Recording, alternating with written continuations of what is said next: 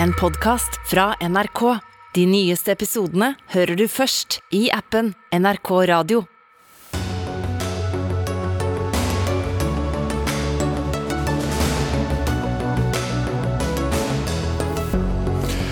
Saken mot komiker Atle Antonsen er henlagt. Politiet ville tiltale.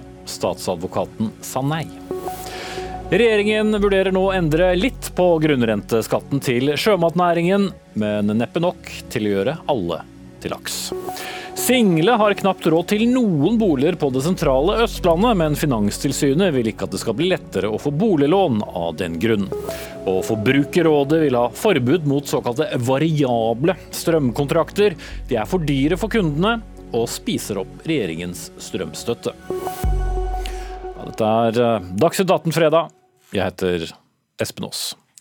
Og Vi starter med striden rundt den såkalte lakseskatten, eller grunnrenteskatten for sjømatnæringen. For denne uken lærte nordmenn et nytt ord normpriser. Og i dag kan vi sette et nytt ord på den listen normprisråd. For da finansminister Trygve Laksvold Vedum og fiskeriminister Bjørnar Skjæran møtte den opprørte laksenæringen i dag, så ble det klart at det nå skal nedsettes et eget råd som skal fastsette lakseprisen, som igjen da legger grunnlaget for denne skatten. Og dette har det vært mye strid om. Geir Ove Ystmark, administrerende direktør i Sjømat Norge. Er dere mer fornøyd nå? Nei, Vi har jo hatt et godt møte med regjeringa, og det er viktig i seg sjøl at vi og myndighetene diskuterer med hverandre.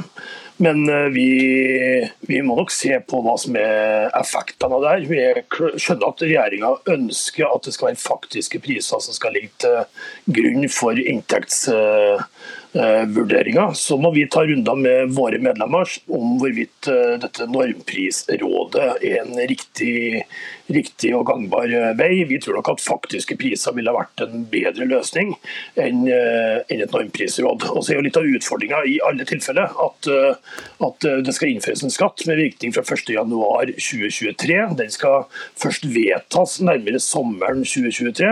og Det er først da vi vil vite om vi skal ha noe normprisråd eller faktisk faktisk pris eller eller normpris. Så mye av usikkerheten henger jo fortsatt med, selv om vi noterer oss at regjeringa har en positiv viljeserklæring. Og Det samme mente aksjemarkedet. Mange lakseselskapene falt på børsen i dag. Bjørnar Skjæran, fiskeri- og kystminister fra Arbeiderpartiet. Hvordan skal dette normprisrådet fungere?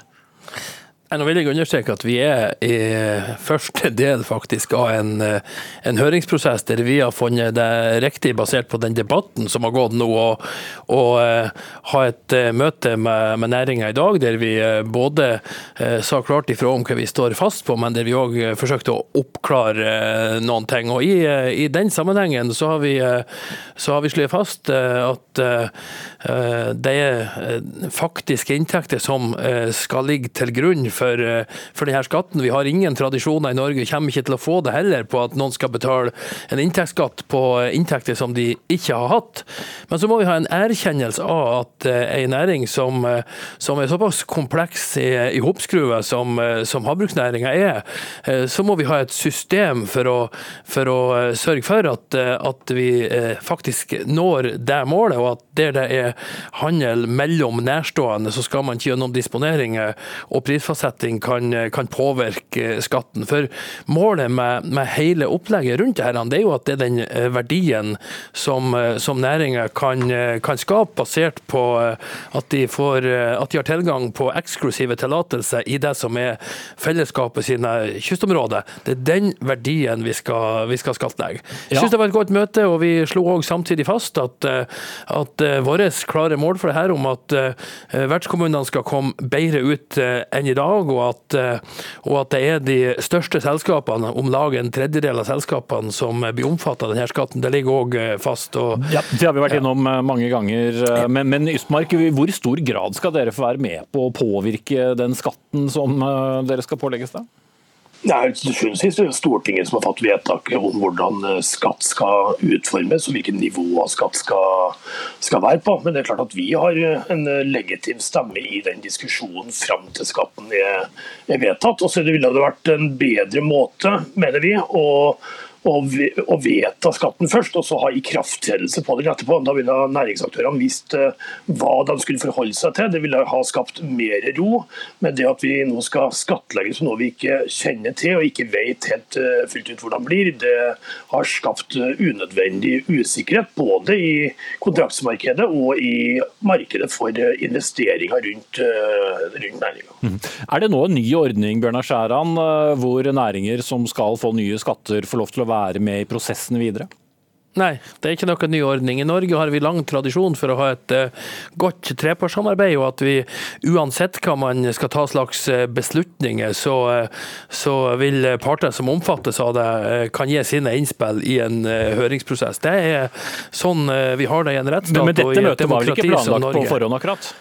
Vi har, nei, nei, vi har hatt mange møter med næringa. Jeg har møtt en ti-tolv av aktørene. Jeg har møtt Sjømat Norge flere ganger. Det har også Finansdepartementet. De har også møtt Sjømat Norge. Og, og tanken vår var at vi skulle, vi skulle gjøre denne oppklaringa knytta til et møte der to av de største selskapene hadde invitert seg til, til Finansdepartementet. Og så ønsker jeg finansministeren at vi kunne møte de fem største selskapene. Så har, I stedet Husmark. Ja, så har selskapene sine begrunnelser for at det ikke ble sånn. og Det er, det er ryddig og og, greit. Og, og, og, vi valgte jo selvsagt å møte, møte Østmark, altså Sjømat Norge, og, og sjømatbedrifter når de ønska det. Og det ble, et, det ble, et, godt møte og et oppklarende møte, men, men jeg vil bare avvise det som jeg oppfatter ligger i spørsmålet ditt. Vi har ikke et system i Norge der, der en regjering forhandler med en næring om hvordan skatten skal være, men for å sikre at politikken blir mest mulig presis, okay. at vi ender opp med en rettferdig og riktig skatt, så er det òg rett at,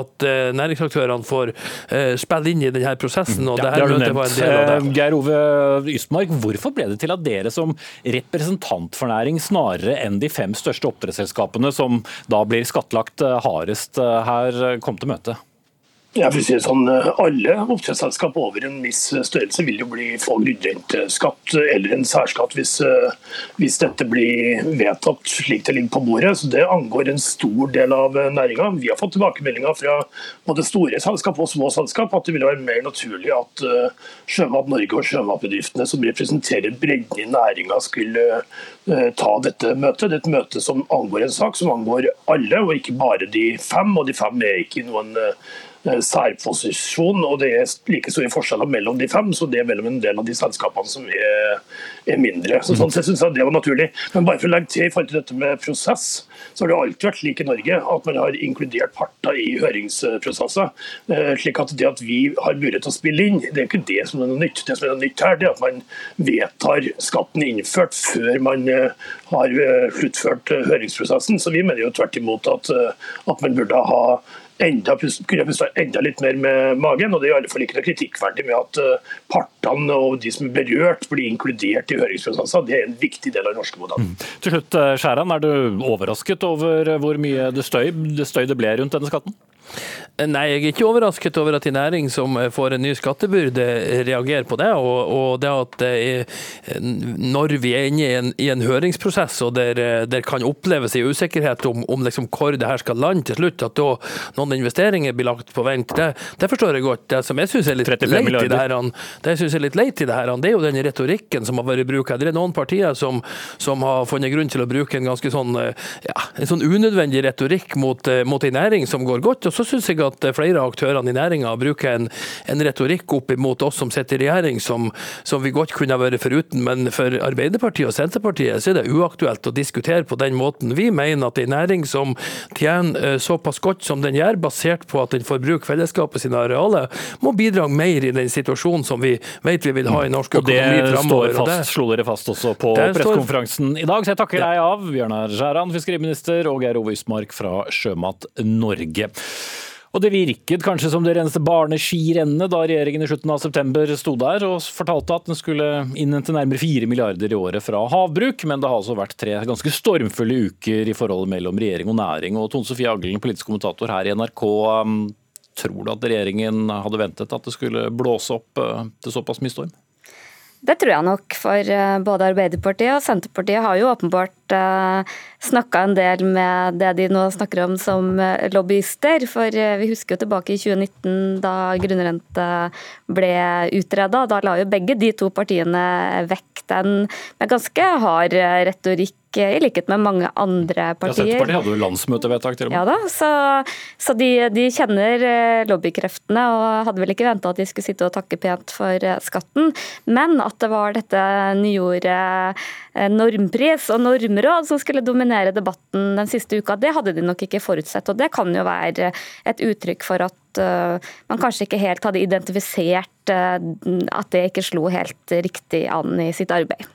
Øystein Hage, redaktør i Fiskeribladet, du er med oss fra, fra, Bergen. Hadde regjeringen noe annet valg enn å utrede denne etter hvert så omstridte normprisen i dette normrådet? Nei, det tror jeg ikke de hadde. Sånn som situasjonen var nå utover høsten, så hadde de bare et valg, og det var å få på plass en ordning som muliggjør at man kan drive med bearbeiding av fisk i industrianlagene fremover. Og da er disse langtidskontraktene helt avgjørende. Så det, det var viktig å få på plass denne ordningen i dag, eh, og, og, de signalene på at, eh, som Vedum kom med. Så det tror jeg eh, det var, det var fornuftig. Mm. Du er jo tett på, på næringen gjennom bladet, som du er redaktør for. Hvor upopulær er denne skatten langs kysten? Eh, den er veldig upopulær blant svært mange. Jeg tror eh, I det store og hele er hele bransjen skeptisk til dette. Sant? Og Du har jo hatt en dimensjon her, denne type sentrum-periferi, Oslo mot kysten, som nok preger debatten. Og så er det synd å si at, eh, sånn som Bjørnar Skjæran sa tidligere her, at det er veldig de som er litt mer nyansert her, blir gjerne idioterklært. Noe flere av oss som jobber i denne bransjen er blitt. Det er inkludert, faktisk? Ja, jeg er blitt ganske idioterklært de siste ukene, pga. at jeg mener at det som på sin plass at denne bransjen bidrar mer enn det de kanskje har gjort i form for økte skatter. Mm. Aglen, eh, hadde eller kunne ikke regjeringen forankret dette bedre, eller måtte det bli den kampen eh, som det har blitt pga. forhistorien? Ja, Det er jo litt ulike syn på det. da. De viser jo selvfølgelig til eh, børssensitivitet, og at de ikke kunne gå ut med selve modellen og vedtaket. og Det er nå én ting. Eh, så er det det med det å politisk forankre signalene. Eh, for det kom jo like overraskende på deres egne ordførere. De trodde jo at dette var noe som hovedstadspressen hadde funnet på. og De kunne kanskje mm, sendt ut både prøveballonger og diskutert med dem. og Det er nok en del av grunnen til at det er såpass vanskelig. Men så så hører jeg også andre sier at uh, dette var helt nødvendig å gjøre nettopp for ikke få de sterke lobbyinteressene, og at uh, man nok en gang skulle tvinge dem i kne. Men det vil også bli oppfattet som en litt sånn fallitterklæring for politikerne, at de ikke klarer å, å stole nok på sin egen politikk. Så er det litt forskjellige grupperinger her. Du har veldig mange ordførere fra Arbeiderpartiet og Senterpartiet som eh, er sinte. Og så har du også veldig mange som syns at det er bra at også denne næringen skal bidra mer enn de har gjort. Men er det en god sak for regjeringen? Ja, jeg tror i hvert fall at mange mener at det er riktig at Eh, sjømatnæringa skal eh, betale mer. og nå, nå, får du jo høyst sannsynlig gjennomslag for det. Eh, så tror jeg nok at kanskje prosessen framstår som unødig svak, nettopp fordi man har denne normprisen som slo uheldig ut. Jeg tror det var veldig viktig for regjeringa nå å få slutt på den uroa, og at de får skylda for at man permitterer. Og også det at man fikk så mange av sine egne tillitsvalgte og politikere der ute, særlig langs kysten, til å gå i fakkeltog mot seg. Det var kanskje ikke helt Eh, ønskelig. Så mm, det, kanskje ikke alt eh, som har gjort at eh, de, kan få en litt sånn ripe i lakken når det gjelder prosess. da. Mm. Ja, Hage, hvordan vurderer du det politiske håndverket her? Bransjen har jo fastholdt at dette kom som en overraskelse. og Gustav Witzøe, som, som grunnla SalMar, sa jo i går at han oppfattet det som et svik. Ja, altså, Alle de regjeringspartiene har, sa jo i forkant av valget at dette ikke var aktuelt. Men jeg tror jo det at eh, skulle Vedum og, og Støre få dette gjennomslag, så måtte de gjøre denne prosessen så raskt og, og heftig. For hadde de gitt sånn som Venstre og Høyre ønsker, et års bearbeiding her, så tror jeg bransjen hadde satt, brukt så enormt mye ressurser på dette at vi kunne godt stått her om et år og diskutert det samme en gang til. Fordi at man har den erfaringen for 2019 der man så hvor stor, mye makt og hvor mye ressurser man brukte på å stoppe den ordningen som ble foreslått da. Mange har jo pekt på, eller villet peke på, at dette er en by-og-land-konflikt. Er den det, mener du? Ja, han har iallfall tendenser i det. det sant? Fordi at Argumentene til de som sitter på kysten, mener jo at dette er sosialøkonomene i Oslo. Det er de som sitter og drikker caffè latte på, på Grünerløkka som ønsker dette. og De skjønner ikke kyst, kystens behov. Eh, men det er nok litt eh, for enkel, eh, for enkel vurdering av dette her. men, men han har nok preg av det, og den sentrum-periferi-debatten som har preget norsk politikk, er det veldig tydelig også her. Spesielt når man ser at at arbeidere går altså i, i, i demonstrasjonstog for laksebaroner. Det er jo ganske spesielt eh, for, for folk flest å skjønne den dimensjonen. Mm. Nå var det jo statsråder fra begge partier på pressekonferanse i dag, eh, Aglen, men er de helt samstemte, Senterpartiet og Arbeiderpartiet? Nei, hvis du går ned i partiorganisasjonen, så finner du nok Eh, veldig mye ulike syn i eh, begge partier. Eh, men jeg tror nok at det har vært veldig viktig for Arbeiderpartiet, som har sterke tradisjoner langs kysten, i motsetning til Senterpartiet, og som har en fiskeriminister fra Lurøy, å framstå som lyttende og ha stor forståelse for næringa. Og de har kanskje, i hvert fall de signalene vi får, vært mer opptatt av denne normprisen enn Senterpartiet, som kanskje har vært mer opptatt av de mindre aktørene der ute og, og, og verne sånne små familieeide bedrifter. Mm. Foreløpig SalMar ved reisens slutt. Takk til Tone Sofie Aglen, politisk kommentator her i NRK, og Øystein Hage, redaktør i Fiskeribladet.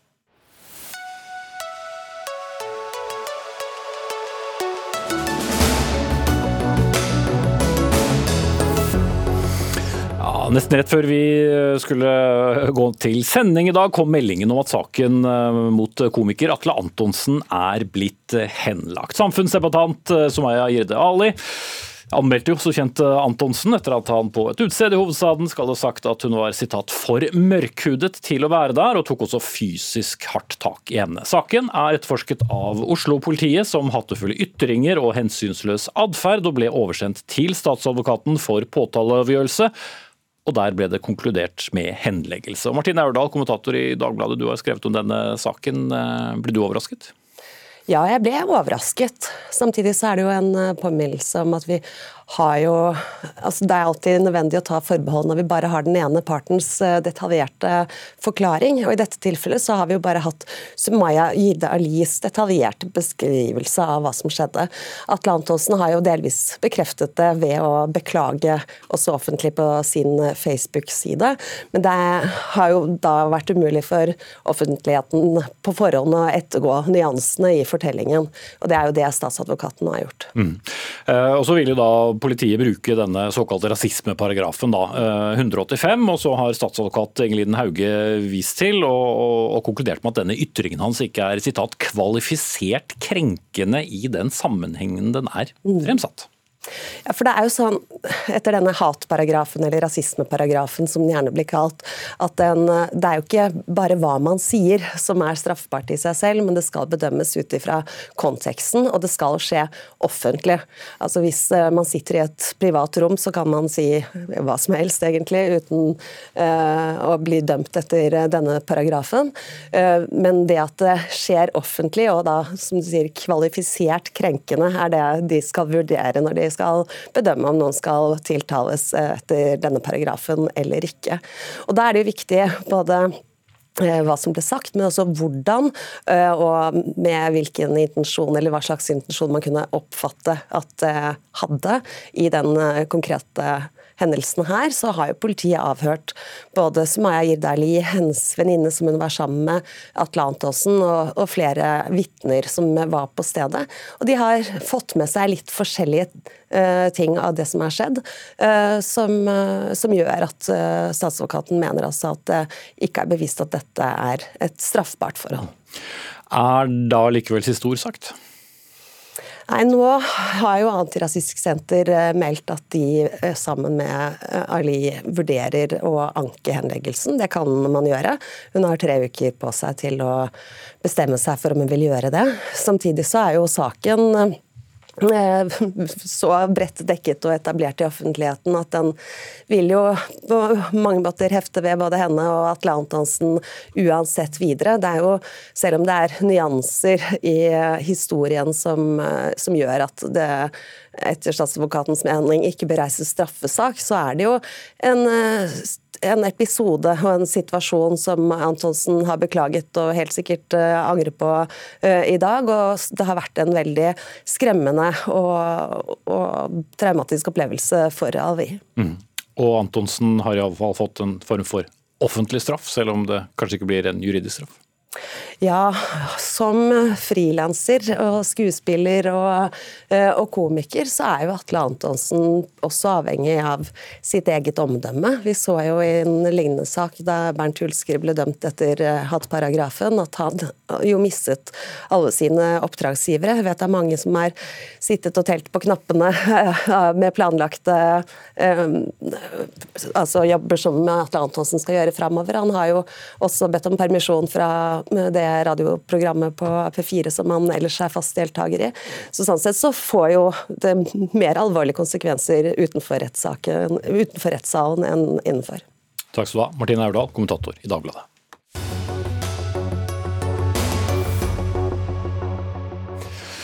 Hvem skal ta regningen når du blir svindlet, er neste spørsmål. Er det den som svindler deg, er det banken, eller er det du som skal sitte igjen med erstatningskravet? Det er ikke noe enkelt svar på det. Men NRK Avslørt omtaler i dag en rapport fra Universitetet i Oslo som iallfall viser at eh, offeret svært ofte og stort sett er den som må betale, til tross for at svindleren er dømt. Og Petter Omland, du er ID-juristen som gir da gratis rettshjelp for folk som har blitt utsatt for ID-tyveri. Når er det riktig at offeret skal betale? Eh, ja, Det er jo et veldig bredt spørsmål. Det jeg tenker er jo at eh, det er jo en ansvarsfordeling som må gjøres opp her mellom bank og bankkunde i etterkant av svindel, fordi svindler har ofte på en måte forsvunnet ut av ligningen. Eh, og Det vi mener, er jo at bankene i altfor stor grad har lempet dette ansvaret over på bankkunden. Det vil jo kunne være tilfeller hvor kunden etter en rettslig vurdering bør måtte bære deler eller hele tapet, men det tenker jeg i hvert fall er først og fremst der kunden har vært veldig veldig, veldig uforsiktig, eller da forsettlig på en måte, eller delaktig i, svindel. på en eller annen måte. I andre tilfeller enn det så burde bankene bære tapet, eh, kanskje først og fremst fordi at Bankene har en ekstremt mye større evne til å absorbere tap enn kunden. Det vil være økonomisk ødeleggende i mange tilfeller for enkeltindivider å sitte med hele økonomiske tapet. Det vet vi leder til depresjon, det kan i verste fall lede til, til selvmord. Det kan på en måte være livsfarlig. Eh, og På den annen side så tenker jeg også at BankID er et redskap som er ekstremt viktig i samfunnet. og Hvis man legger mer ansvar over på de som forvalter og eier og drifter det systemet, så lager man et bedre system. Da vil risikoen for svindel bli mindre, tror jeg. fordi at hvis banken må bære tapet, så tror jeg de vil utvikle bedre sikkerhetssystemer enn det vi har i dag. Mm. Grunegård, forbrukspolitisk direktør i, i Finans Norge. Når er det riktig at banken skal ta ansvaret for, for tapet? Ja, Det er jo et veldig godt spørsmål, og det er ikke bare vi som diskuterer det. Det har man jo diskutert i utallige rettssaker de siste årene. Men jeg tok med en liten ting hit i dag for å illustrere hvorfor vi diskuterer det. og Det er en liten, altså en liten brikke, en plastdings, som er min bank-ID-brikke. Og sammen med den brikken så utgjør den sammen med mitt personlige passord, altså bank-ID-en min, min digitale legitimasjon. Og med den så kan jeg låse opp døra til nettbanken min. Jeg kan gå inn på kontoen min og ta ut penger. Jeg kan søke om et lån, og hvis jeg er kredittverdig, så kan jeg få et lån ved å vise fram denne legitimasjonen en gang til og signere med en e-signatur som ligger i denne brikken. Hvis jeg nå gir den brikken til Petter, og gir han passordet mitt, så kan han gå i banken og late som han er meg, og gjøre akkurat det samme med mine penger og med mitt lån. Mm. Og, og, mens, og, Petter kan sette seg på flytoget, reise til Syden og sette seg der og drikke drinker. Og I mellomtida så sitter banken og jeg og diskuterer hvem sin skyld var det at Petter kunne stikke av med de pengene. Var det min skyld fordi at jeg ga han brikken og banken den, eller var det bankens skyld fordi at ikke de oppdaga at det var Petter? Og Her kan man tenke seg at, um, at uh, svaret på det blir annerledes om jeg har gitt Petter bank-ID-brikken og passordet, enn om Petter hadde stjålet fra meg denne brikken mens vi satt her i studio. Jo, men bare for å spisse den problemstillingen Når en annen person uansett kan bruke din personlige bank-ID, som jo er det samme som da en juridisk eh, underskrift, har mm. da eieren av den bank-ID-en da allerede gjort noe galt? Ja, det har han jo, eh, hvis han har gitt den bort. At, og det står jo i den nye finansavtaleloven også, at når du har fått en bank i det, så har du et veldig stort ansvar for å ta vare på den og være sikker på at det er bare du som bruker den. Det, det består jo Hele det digitale samfunnet vårt består jo av den sikkerheten og den tilliten til at jeg bruker min bank i det, og at det ikke er Petter som gjør det. Og da omland, så lenge noen kan bruke en annen, person, en annen persons eh, bank-ID, så har vel eieren gjort noe galt? da? Ja, og det, altså, det jeg tror vi er grunnleggende uenige om her, det er på en måte hvor terskel for gjort noe galt skal ligge. Fordi at Historisk sett så har bankene kjørt på en ekstremt eh, lav terskel for å ansvarliggjøre kunden. Og hele tiden lagt seg på det strengest mulige forståelsen av eh, lovbestemmelser vi har.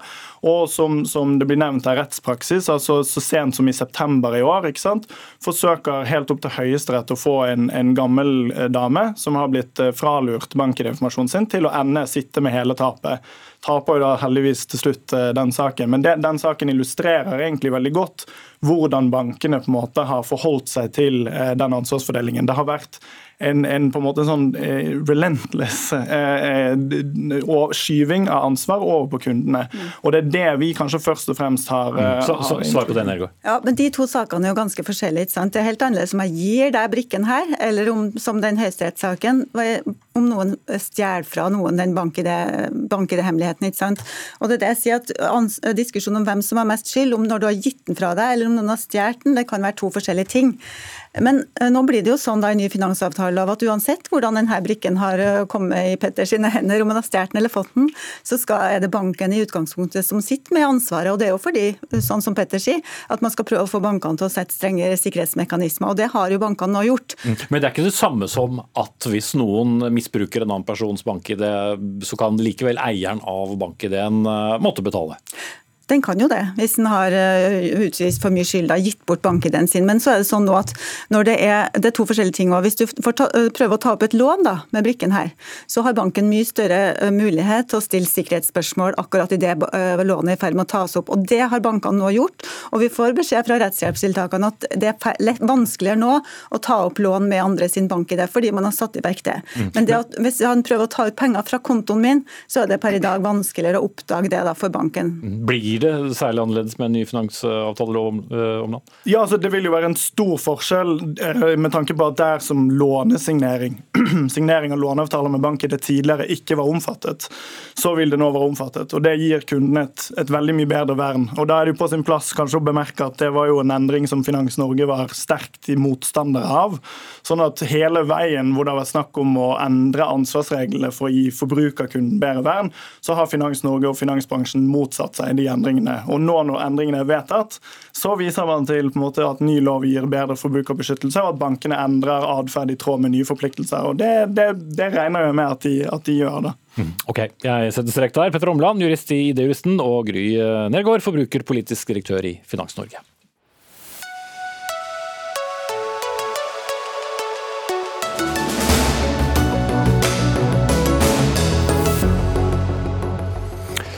Metaller som kobolt, nikkel og kobber er svært viktige når vi skal lage komponenter til f.eks. vindmøller, solceller eh, og større batterier, og dermed ettertraktet til eh, alltid så mye omtalte grønne skiftet. Og det kan se ut som eh, flere viktige metaller også er å finne langt nede på den norske havbunnen, og nå vil regjeringen konsekvensutrede utrede mineralutvinning til havs, som det heter. Amund Vik, statssekretær i Olje- og energidepartementet, hva konkret betyr det? Det det betyr nå, har vi sendt eh, på høring en konsekvensutredning eh, av å drive mineralvirksomhet på, på havbunnen. Og så har vi sagt at vi eh, etter den høringen vil vurdere å åpne deler eller hele dette området som er lagt ut nå, for å lete etter om det finnes mer mineraler i de områdene. Og Hva slags inngrep i, på havbunnen og i naturen vil det bety? Det som konsekvensutredningen eh, også viser, at her er det usikkerhet på hvilke metoder som kan benyttes. Eh, så det vi eh, har sagt veldig tydelig, er at dette må foregå på miljømessig skikkelig måte. Og det er også spørsmålstegn om dette kommer til å være lønnsomt når det kommer så langt med de miljøkravene som vi eh, kommer til å stille. Men det er viktig tror jeg, i en, i en tid hvor vi ser at mye av mineralene som trengs i det grønne skiftet, finnes i Kina eller i Russland. så er det naturlig for oss også å se kan det være noe som kan miljømessig utvinnes og som kan økonomisk drives i våre områder som kan bidra i det grønne skiftet. Rasmus Hansson, stortingsrepresentant fra Miljøpartiet De Grønne. Du har vært kritisk til denne konsekvensutredningen i et leserinnlegg i Bergens eh, Tidende, men trodde du var veldig ivrig for det grønne skiftet? Jeg er veldig ivrig for det grønne skiftet, og det grønne skiftet er det vi skal gjøre istedenfor. Ikke i tillegg til uh, den fossile og uh, ødeleggende uh, epoken vi er inne i nå. Hvis vi trenger nye metaller, så skal vi resirkulere oljeplattformer. Vi skal ikke gå løs på den aller siste urørte naturen på jorda. Og den dype havbunnen er det aller siste vi har igjen som er urørt, og det er også helt sikkert innmari sårbart. Og derfor er jo ikke vårt krav at man aldri skal tenke seg å hente ut mineraler uh, forskjellige steder. Men vi må bruke minst ti år på bare å lære oss hvordan denne naturen Men Nå er det bare en eh, konsekvensutredning som foreløpig ja, ja, og neste, neste, men bare for å fullføre, så vi, vi bør bruke, og det er internasjonale miljøorganisasjoner og veldig mange fagmiljøer som sier, bruk ti år på å finne ut ordentlig hva som foregår, så kan vi vurdere konsekvensutredning. For hva er en konsekvensutredning? Jo, i sånn olje- og energidepartementperspektiv så har det rutinemessig i Norge vært starten på noe som ikke lar seg stoppe. Fordi det investeres så mye prestisje, så mye penger, så mye innsats eh, når de prosessene går eh, framover, at det blir veldig vanskelig å stoppe dem til slutt. Så selv om eh, OED sier her skal vi tenke oss om, det er flott, så er det mye bedre hvis vi virkelig bruker tida til å skaffe kunnskap, ikke begynner å konsekvensutrede aktivitet med en gang. Vik. Nei, jeg tenker Det er viktig her å ha tunga beint i munnen. så er selvfølgelig eh, Konsekvensutrede er viktig. Nå, eh, Også etter den høringen nå, så vil vi da eh, legge til rette for at man kan lete, se hva er der inne, få inn andre typer aktører, industrielle aktører. og Først etter det så vil det være aktuelt å eventuelt åpne for å drive med dette. Men det er mange spørsmålstegn som må besvares før vi kommer dit. Særlig da, og helt åpenbart at det kan drives på en måte som er forsvarlig med naturen på havbunnen, men også at det kan drives på en lønnsom måte. Men som sagt, så gitt alt dette, så tror jeg at med den situasjonen vi er i nå, så kan vi ikke resirkulere oss til de mineralene vi trenger alene eh, for det grønne skiftet, men har behov også for å se kan det være sånn at i våre nærområder så finnes det mineraler og metaller vi kan bruke i det grønne skiftet og til generell velstandsøkning og det digital, digitaliseringen av samfunnet, som vi kan hente ut på en måte som er miljømessig forsvarlig og som er økonomisk drivverdig for de selskapene som gjør det. Her oppsummerer jo statssekretær Vik eh, på en helt perfekt måte regjeringens eh, grønne ambisjonsnivå. Vi kan ikke resirkulere oss til eh, osv. Hvordan skal vi da klare å skape et samfunn som ikke fortsetter å bruke opp det som er igjen av eh, livsgrunnlag på jorda. Poenget er jo, vi må resirkulere oss til rettferdighet, velferd, fred og sikkerhet. Det er det som er hele poenget med det grønne skiftet. Det er det som er den sirkulære økonomien. Og det er det som er så kjempetydelig at uh, denne regjeringen uh, ikke har skjønt.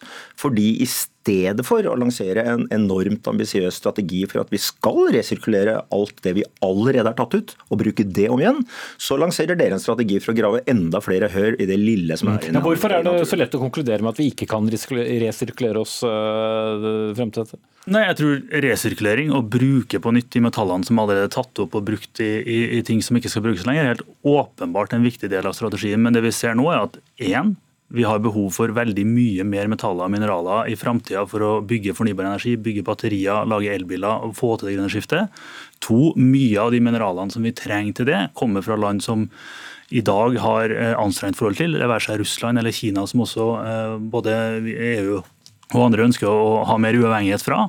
Så det er klart at begge de to forholdene peker i hvert fall i retning av at vi som et land som klarer å drive, har erfaring med å drive med næringsvirksomhet til havs, bør i hvert fall sjekke kan dette gjøres miljøvennlig, og kan det gjøres lønnsomt. Og hvis svaret på de Vet du også at det ikke kan gjøres miljøvennlig, Hansson? Nei, det, det jeg sier er uh, her må vi virkelig Uh, bruke tid på å skaffe kunnskap. Det er ikke noe, det er ikke noe hvilket som helst sted dette er. Det er en sånn 2000-4000 meters dyp borte ved Atlanterhavsryggen, uh, hvor vi ikke har giddet å skaffe oss kunnskap hittil. Det er ikke gjort over natta uh, å finne ut hvordan det står til der, og hva man eventuelt kan møte av ekstremt spesielt liv. Det, det vi vet, er at det er helt eksepsjonelle livsformer i de områdene. Fordi det tyter opp glovarmt vann med masse svovel og, og, og, greier. Så halvparten av de som bor der er jo rene aliens, som vi bør være kjempeforsiktige med å ødelegge. Men hovedpoenget er at vi har en regjering som skal løse det grønne skiftet med de gamle metodene. Det er gruveindustri som skal løse det grønne skiftet. Nei, det er ikke gruveindustri vi trenger i framtida. Vi trenger en kjempediger resirkuleringsindustri. Hvorfor er ikke det regjeringens hovedsatsing. Mm. Ja, der har vi eh, vært allerede. Vi får se hvordan det går med høringen på konsekvensutredning. Amund Vik, statssekretær i Olje- og energidepartementet fra Arbeiderpartiet, og Rasmus eh, Hansson, stortingsrepresentant fra Miljøpartiet De Grønne.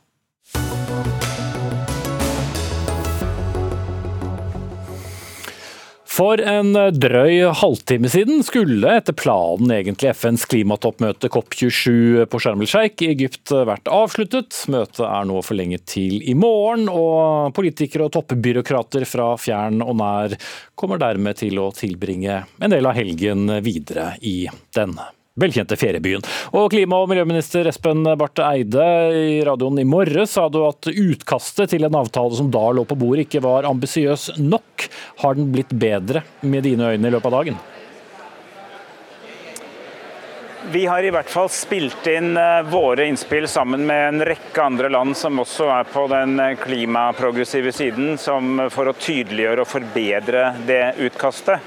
Så har vi ikke sett et utkast til, og det regner vi kanskje ikke med å få i kveld. At det er mulig det først kommer i løpet av natta. Så eh, det er litt tidlig å si, men det har vært intense samtaler både om slutterklæringen, men også om de store hovedbeslutningene her på møtet alle spørsmål er i prinsippet fortsatt åpne. Eh, ikke fordi man ikke har jobbet med dem, men fordi de ikke er landet. Og Det er i hvert fall klart at dette ikke tar slutt nå i kveld. Vi er nettopp ferdig med det siste plenumsmøtet nå. Og vi belager oss på å bli helgen her i Sharm el Sheikh, og så får vi se hva vi får til i løpet av morgendagen. Og Sent i går kveld så kom eh, nyheten om at Norge sammen med Storbritannia og Australia støtter et forslag fra EU om etablering av et fond for tap og skade for særlig sårbare land. Eh, hvis det går an å kort forklare hva som ligger i dette forslaget? Ja, Det er også et eh, utspill fra oss, da, ledet av EU, men støtte fra en rekke andre land i vest, som sier at vi ønsker å komme utviklingslandene i møte. Vi, vi tilbyr nå at vi eh, går med på at det etableres et eh, fond som er dedikert til de mest sårbare, som er mest utsatt for tap og skade. Altså de klimaendringene som ikke kan forebygges lenger, men hvor ødeleggelsen er så stor at man trenger hjelp til eh, gjenoppbygging f.eks., eller katastrofehåndtering. Det blir det jo dessverre mer og mer av, og for hvert desimal grad temperaturen øker, blir det mer av det. Så, det, så er det noen betingelser for det som eh, vi har lagt inn. Og, og det har det vært en god del av diskusjonen i dag. Det initiativet skapte bevegelse i møtet. Men det er for tidlig å si om det blir enighet om den modellen, fordi en del andre land har eh, andre modeller for hvordan disse spørsmålene skal løses. Ja, For uh, asiatiske storforurensere som Kina, ville de vært med på noe slikt? Og hva med USA? Her er, jo, er du midt inne i en del av uh, de, vanskeligste spørsmålene nå. Fordi at uh, vi, altså EU og Storbritannia og Norge og Australia og Sveits og en rekke land mener at uh, vi kan være med på dette. Men da må også de landene som vokser mest og som nå har blitt veldig mye rikere, f.eks. Kina, men også land som Saudi-Arabia, eh, må også være med å betale. For det er urimelig at de ikke skal være med på å dele på denne, dette ansvaret. Mens de i veldig stor grad ønsker å holde seg til de gamle formuleringene fra den opprinnelige klimakommisjonen, hvor de er såkalte utviklingsland. Og det er en eh, blokkering egentlig rundt dette, og det, vi, det er en av de spørsmålene som må løses. fordi Eh, den, I den opprinnelige klimakommisjonen så hadde vi en liste over de landene som var industriland og de som var eh, utviklingsland. Den er 30 år gammel, og det har skjedd veldig mye siden da. Ikke minst med et land som Kina. Mm. Da takker vi av deg, Espen Barth Eide, klima- og miljøminister fra Arbeiderpartiet. Du har eh, noen lange og gode timer foran deg på dette møtet, og så skal eh, vi gå videre til NRKs, eller en av NRKs reportere på toppmøtet, nemlig deg, Eivind Molde. Og hvis jeg skal be deg om å beskrive stemningen på, på dette toppmøtet, som altså skulle vært avsluttet for eh, ja, snart 40 minutter eh, siden, men som nå altså går inn imot en ganske intensiv eh, helg og kanskje også en ganske lang natt. Nå er det ingen bombe at et eh, klimatoppmøte går på overtid. Det har skjedd svært ofte. Men likevel så er nok folk utålmodige her i kveld. Det har vært store forventninger til dette møtet. Nå er folk utålmodige og venter på en eller annen konklusjon.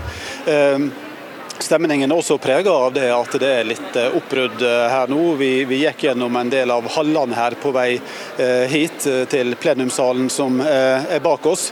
og Der ser vi at det er full nedpakking overalt. Nå er det nedrigging av hele dette i dette hele enorme eh, kongressenteret, et av de største i Midtøsten og, og, Afrika. Her har altså 40 000 mennesker vært samla i et par uker. Nå er det snart eh, over. Nå venter folk på et resultat, fordi at det som skal forhandle, og politikerne, de, de er her fremdeles. Mm. Du var jo også til stede på klimatoppmøtet i Glasgow i fjor, eh, Eivind Molde. Hva er det største skillet mellom det møtet og årets? Det kan være lett å tenke sånn at det møtet i Glasgow i fjor det var veldig svært. Det fikk stor eh, oppmerksomhet, det var stor omtale av det, stor dekning av det. Det var litt fordi at eh, møtet året før det ble eh, droppa pga. covid-19.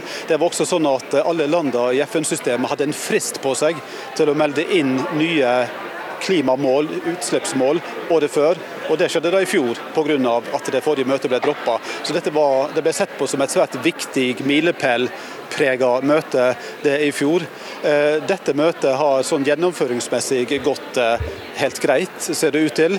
Dette blir også sett på som et eh, svært viktig møte, nemlig for å følge opp og for å sette ut i livet mange av de løftene som, som kom i fjor. Og Det som også er interessant å merke seg, er jo at dette møtet her faktisk er større enn møte i, i, Glasgow. Så her har det vært stinn brakke nå i, i to uker, og folk fra nesten 200 land. Nå venter vi bare på konklusjonen. Du venter eh, for oss, reporter Eivind Molde, direkte fra Sharm el Sheikh i Egypt.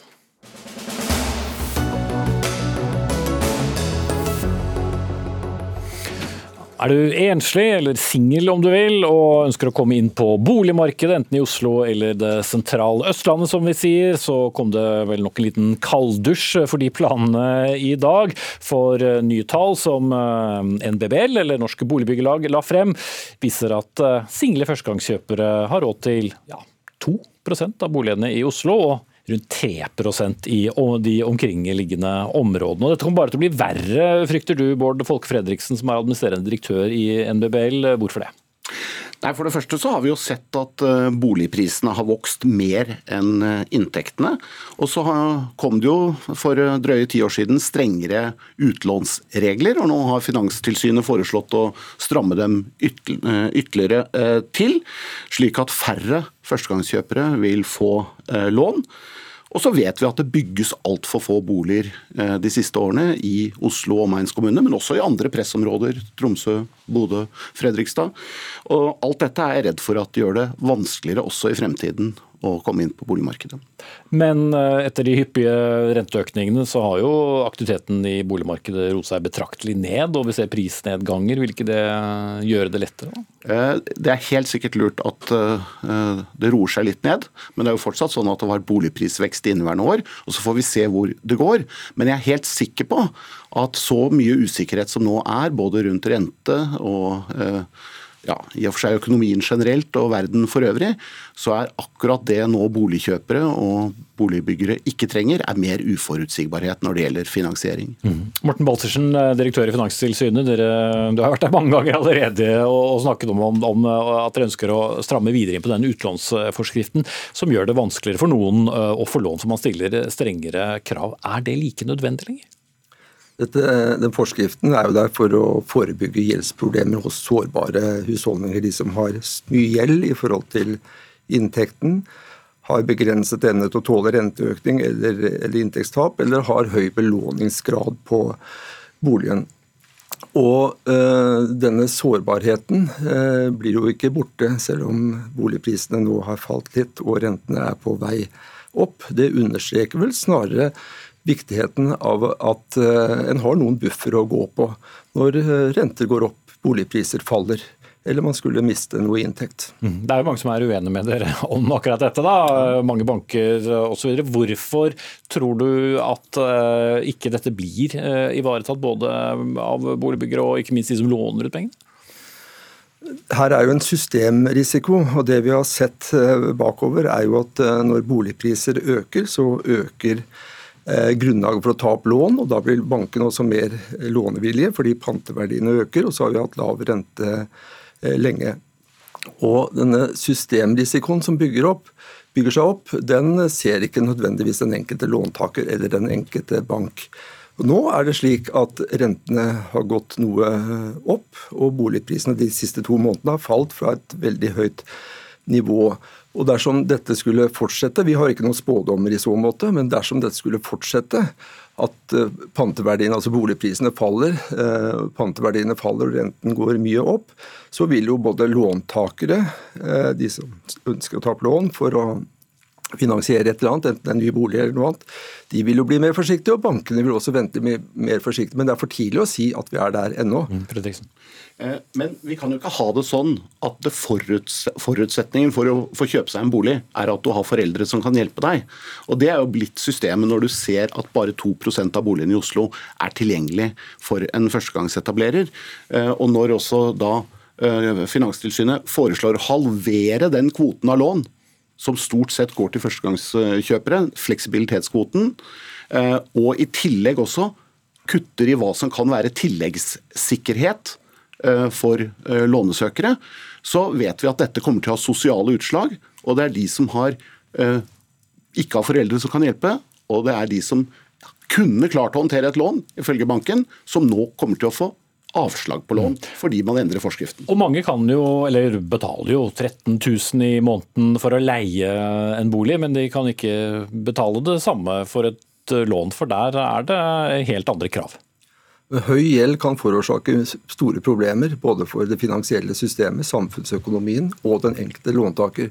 Det har mange land erfart, og det erfarte vi under den store eh, krisen for 30 eh, år siden. Og den sårbarheten gjør seg gjeldende enten du er førstegangskjøper eller ikke. Mm. Men med langt mer solide banker nå enn på slutten av 80-tallet? Vi har bedre eh, soliditet i banksystemet nå for å tåle eh, tap.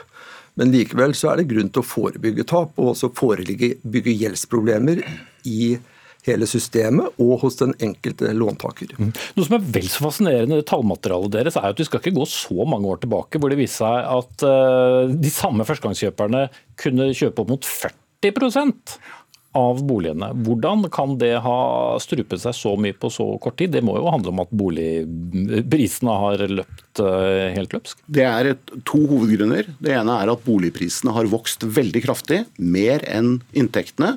Og så har vi fått disse nye lånereglene som uh, har økt kravet til egenkapital i 2011, og også blitt strammet inn senere. Men jeg tror også vi må huske at det har vært bygget lite Eh, i mange pressområder, som Oslo. Og kommunene har gjort altfor få tomter byggeklare, slik at det ikke er mulig å sette i gang og øke tilbudssiden når behov og etterspørsel er der. Og Det er eh, en slags Q, eh, i mangel av et godt norsk ord, til deg, Herman Søndnå, byrådssekretær for byutvikling fra MDG i Oslo. Hva slags folk er det som skal kunne bo i Norges hovedstad, i hvert fall ikke aleneboere med lav inntekt? Altså, mange vil jo bo i Oslo nettopp fordi det er jo en av de flotteste byene i Europa. Og vi ser jo nå som Bård og dem sin undersøkelse viser at det er mange kommuner hvor det er eh, single førstegangskjøpere som sliter med å komme seg inn. og Derfor syns jeg nettopp dette er liksom et varsko på at vi trenger flere boligpolitiske verktøy i kassa vår, og det må man få fra nasjonale myndigheter. Jeg skulle gjerne ønske å ha hatt en statssekretær her, eller en statsråd, Mr. Gjelsvik, som vi kunne snakke om det her. fordi men behandlingssiden i Oslo kommune på fem år, da? Er det også noe som sentrale myndigheter må gjøre noe med, eller kan dere gjøre noe med det? Det er også noe vi kan eh, gjøre med, og vi jobber nå med næringa med å effektivisere disse prosessene. og Vi har jo best case-eksempler også på to år, så ja, vi har noen av de eksemplene hvor det tar lang tid, noen hvor det tar kort tid. Men det vi trenger nå, det er å få sikre at vi kan regulere flere rimelige boliger inn i boligprosjekter, at vi kan få lov å regulere inn studentboliger, at vi kan ha startlån. Og så er det også en ting jeg syns er helt krise med det utlånsforskriften eh, foreslår, og det er at man vil kutte dette 40% egenkapitalkravet på sekundærbolig. Det var det mest effektive tiltaket for å få flere sekundærboliger av markedet. Jeg tror man akkurat den ligge i denne omgang. Men det gjør også flere boliger tilgjengelig for førstegangskjøpere, og det håper jeg ikke at regjeringen skroter nå. Jeg er helt overbevist om at dette må stat, kommune og utbyggere løse i kompaniskap. Kommunen må rett og slett regulere langt flere byggeklare tomter, og de må ha en saksbehandlingstid som er forsvarlig. Nabokommunen Lillestrøm klarer det på halve tiden av Oslo, og Oslo har forlenget sin saksbehandlingstid med 100% på få år. Det blir jo en litt utdatert boligdebatt òg, for nå snakker vi bare om eierlinja, men vi må jo gjøre flere ting her. Og det vi ser, det og det vi ser Obos og flere aktører gjør nå, er å komme med boligkjøpsmodeller, som er det viktigste nyvinningsskrittet kommunen trenger nå som Obos har gjort en kjempejobb på. Derfor må vi også få regulert det nå, eller endre regelverket. Som er konkurrent til dere, da? Nei da, er, er Obos er vårt eh, største og aktive medlem. Men det er akkurat det som er, eh, er poenget, at vi må sammen klare å løse disse oppgavene. og noen må vi må ta ansvar for hver våre oppgaver. og Tolv boligbyggelag, Obos inkludert, har utviklet nye modeller som gjør at man senker terskelen på boligmarkedet. Deleie, leie til eie uh, osv. Mm. Men vi kommer ikke utenom at vi må øke boligtilbudet totalt. Uh, og for at prisene ikke skal løpe løpsk når markedet en gang eventuelt tar må alle, må alle eie? Det er jo en litt sånn norsk verdi. Man føler trygghet med det. Men det vi har sett er at med økende boligpriser og strengere utlånsregler, så er det færre som klarer å leie og blir henvist til et dyrere boligmarked. Og jeg har lyst til å si at det er ikke tilfeldig hvem som da presses ut. Det er kanskje grupper som hadde trengt den stabiliteten. F.eks. har 50% av enslige forsørgere i dag en, er i en leiekontrakt. Og Kanskje er nettopp det en gruppe som trenger den stabiliteten en leilighet har. Og jeg tror de kan uh, bli eiere av egen bolig hvis vi bare bruker noen sånne nye boligkjøpsmodeller, men også unngår å gjøre de innstramningene som Finanstilsynet foreslår. Og Det er jo derfor Oslo kommune har oppretta Oslobolig sammen med Obos eh, og Bane Nor Eiendom og en aktør til, nettopp for å kjøpe inn boliger for vanlige og uvanlige folk med vanlig, eh, med vanlig eh, inntekt, men å fjerne dette egenkapitalkravet så flere kan komme inn. Mm kunne sikkert sagt enda litt til om Morten Baltersen, men du har fått si det mange ganger tidligere også. Du er direktør i Finanstilsynet, og så hadde vi med oss Bård Folke Fredriksen, administrerende direktør i NBBL, og Herman Søndenå, byrådssekretær for byutvikling i hovedstaden fra MDG.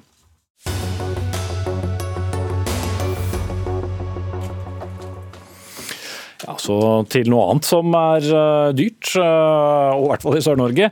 Og er du blant dem som har frosset strømprisen i høst gjennom en såkalt variabel strømavtale, for så å oppdage at regningen ble mye dyrere enn du, eller høyere heter det faktisk, enn du hadde sett for deg. Nå kan disse avtalene bli forbudt, vel iallfall hvis Forbrukerrådet får det som de vil. Avtalene spiser både opp strømstøtten fra regjeringen og gjør store innhugg i folks budsjett, uh, har dere sagt, direktør i Forbrukerrådet Inger Lise blyverket, så det er ikke noe bra med det? Nei, ikke så vidt vi kan se. Forbrukerrådet har i mange år vi faktisk frarådet forbrukere å inngå eh, variabelavtaler, fordi vilkårene der er vanskelig å forstå og, og, forutsi hva som blir kostnadene. Og Det har vi sagt også når strømprisene har vært eh, lave. Vi opplever at her bransjen spekulerer i folks behov for forutsigbarhet, og så selger de egentlig falsk trygghet og dyr strøm. Mm. Ja, Vi kan gå rett til deg, Ulf Møller, næringspolitisk rådgiver i Energi i Norge. Hvem i all verden er disse avtalene for? Vi har jo sett mange oppslag med flere aktører aktører i det siste som har sendt eh, noen eh, ja, hinsides regninger til folk?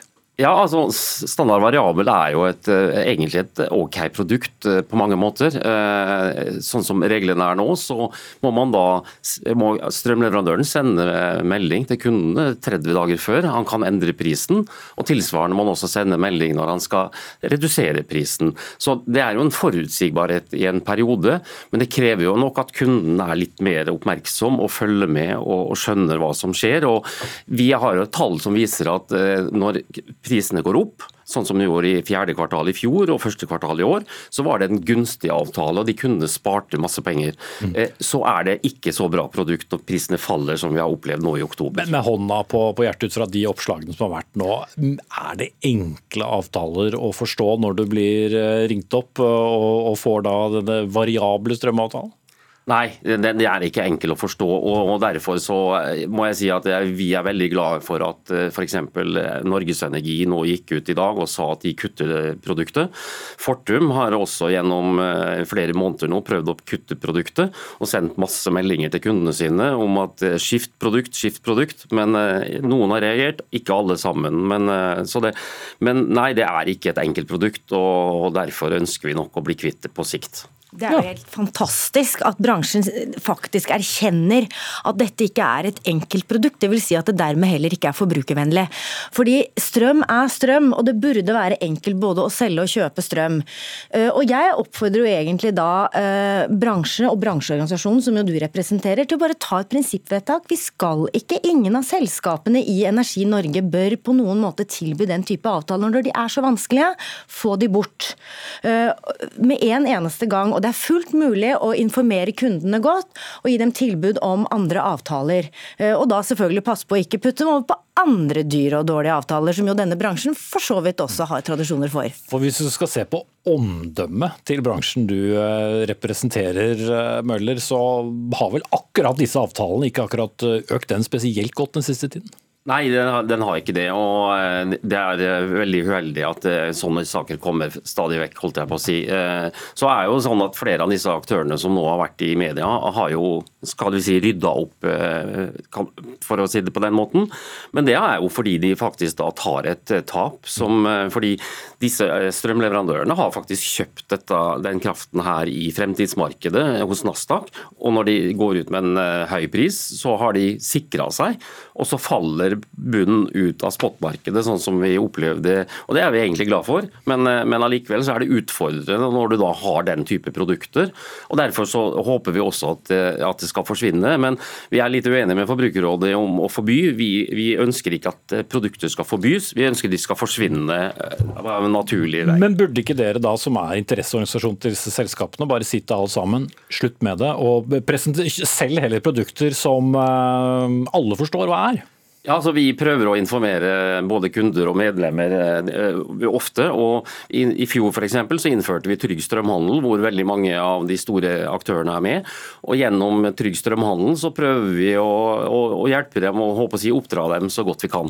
Blir det ikke? Ja, Det er jo også en, en, en, merkelig situasjon. fordi eh, De har denne sertifiseringsordningen Trygg strømhandel, som vi selvfølgelig har sagt at det er veldig vanskelig å gå god for. og Det ser vi jo nå. Flere av disse selskapene som har solgt disse avtalene hvor folk har fått sjokkregninger i posten, er jo nettopp stemplet med trygg strømhandel. Samtidig som det de har fått er lite forutsigbarhet og svært stor grad av utrygghet. Og Forbrukerrådet er i utgangspunktet ikke interessert ved å gripe inn i markeder ved å forby avtaler. Det er jo bransjen selv som sørger for at vi sier dette må vurderes. Dere har alle muligheter til å rydde disse avtalene vekk fra markedet selv, så trenger det ikke å bli forbudt. Det er ingen som er interessert i å forby noe som ikke fins. Så eh, for vår del så tenker jeg ta ansvar, sørg for at denne bransjen nå begynner å gjenopprette sitt rykte. Og dette her er vel første, andre, tredje, fjerde, kanskje femte gangen jeg har vært her og diskutert med strømbransjen, og det er stadig nye saker som kommer. og Jeg lurer på hvor mange ganger skal vi gjøre det? Høres ut som det kan være en av de siste akkurat på, på disse typene av strømavtaler avtaler. Men, men Møller, bare for å eh, plukke opp litt der vi startet. Hva slags ansvar har da kunder selv når de blir eh, ringt opp og forklart om framtidskontrakter og eh, hvordan de skal forstå hva det vil bety, også når prisene går ned? Ja, altså Det er veldig viktig at eh, kundene får god informasjon. og Det er i hvert fall noe vi har jobba veldig mye med gjennom Trygg strømhandel, selv om eh, Forbrukerrådet kanskje ikke er helt happy med, med den. Men det, det, å gi riktig og god informasjon er viktig. og vi, Allerede i fjor så innførte vi da krav om at de kundene skal få skriftlig varsel minst 30 dager før. Og så er det selvfølgelig viktig at den informasjonen er utforma slik at kunden skjønner det. Og Jeg er langt på vei enig med Blyverket i at det, det er ikke enkeltprodukt. og Derfor oppfordrer vi medlemmene våre til å kanskje kutte ut uh, den type produkter.